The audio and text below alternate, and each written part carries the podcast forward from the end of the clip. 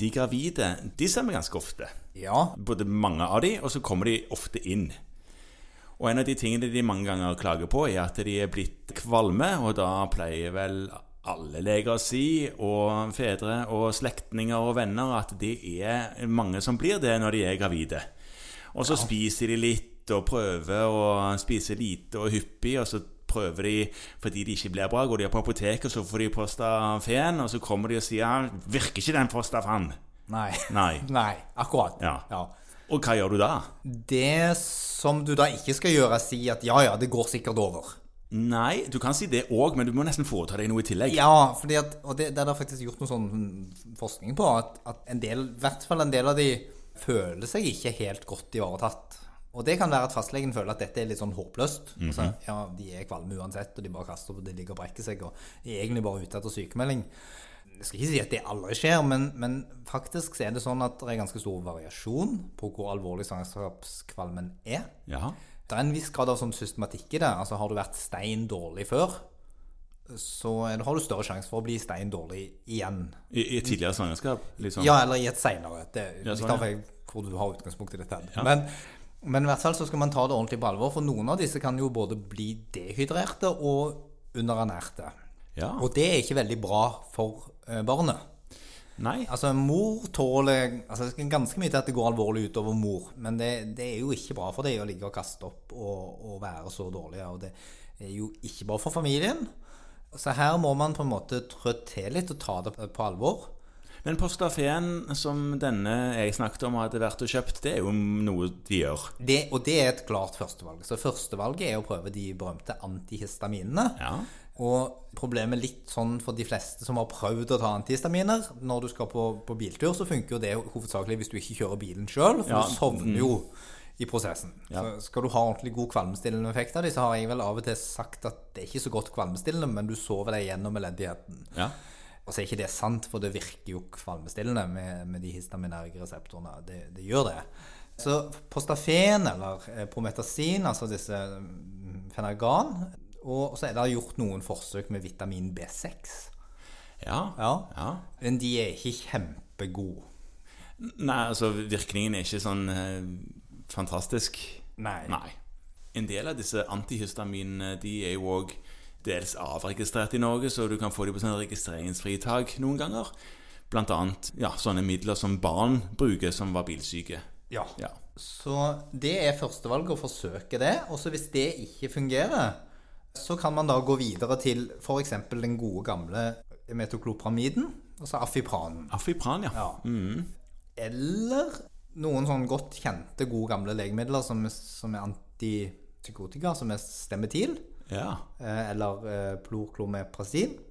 Men er ikke det Da begynner det jo å bli eh, heftig medisiner Da igjen. begynner de å bli ganske kvalme. Ja. Men i behandlingsstigen så er disse lista opp som gode alternativer hvis du ikke kommer til mål. Og så er jo spørsmålet litt Hvis du da har en gravid, som vi jo her snakker om, ja, som ikke får i seg noe, bare ligger og spyr, klarer ikke å beholde på noen ting, så er det sånn at dette er medisiner som man har lang erfaring med. De er trygge, de har ikke vist seg å gi noen spesielle fosterskadelige effekter.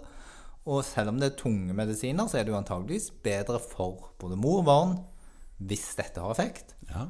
enn å bare la det gå. For det er jo det som er alternativet ditt. ja, ja. Det er alternativet å bare vente til det går over, for det gjør du på et eller annet tidspunkt. I, i etter ni måneder, det er ja. Ja. ofte. Heldigvis er det jo mange som er motivert for at det går jo over litt før. Altså sånn andre halvpart og første trimester er ofte det verste. Eh, Men en god del av disse som er skikkelig dårlige, de, de er dårlige en god stund, altså. Ja. Ja. Og noen blir jo lagt inn òg. Ja. Men da har vi denne her SUKK, altså sukk-score, Ja. som man kan bruke. Og da er jo en av spørsmålene nettopp omhandlende disse tingene vi snakker om nå. ja. Har det funka? Ja. Og så er, før du gjør det, da, så har du lov til å prøve ondastetron. Hvem? Ondastetron, eller sofran. Ja, nettopp. Eh, så, Ikke safran. nei. Nei. Eh, Det kan du òg prøve, men det kommer nok ikke til å ha noen veldig kvalmestillende effekt. Flaks om du er kvalm midt i eh, lussekattsesongen, da. Så får du to fluer i et smekk. Du blir ikke mindre kvalm, tror jeg, av Jeg lussekatter. tror ikke du blir bildet av deg kvalm og veldig mye lussekatter. Nei. jeg, eh, Ikke prøv det. Nei. Det står ikke på stigen.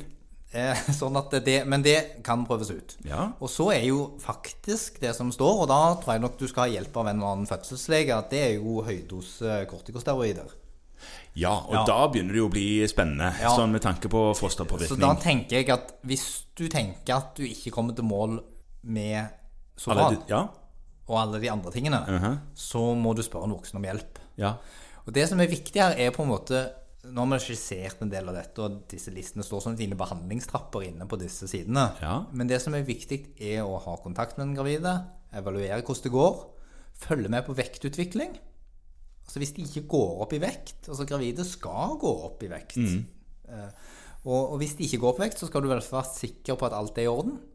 Og så få henvist de videre hvis du har en terapisvikt på det du selv kan stå for, sånn at de får oppfølging. For, ja, for her kan en godt brette opp ermet litt grann mer enn vi kanskje allerede gjør, og gjøre en liten ekstra innsats for disse.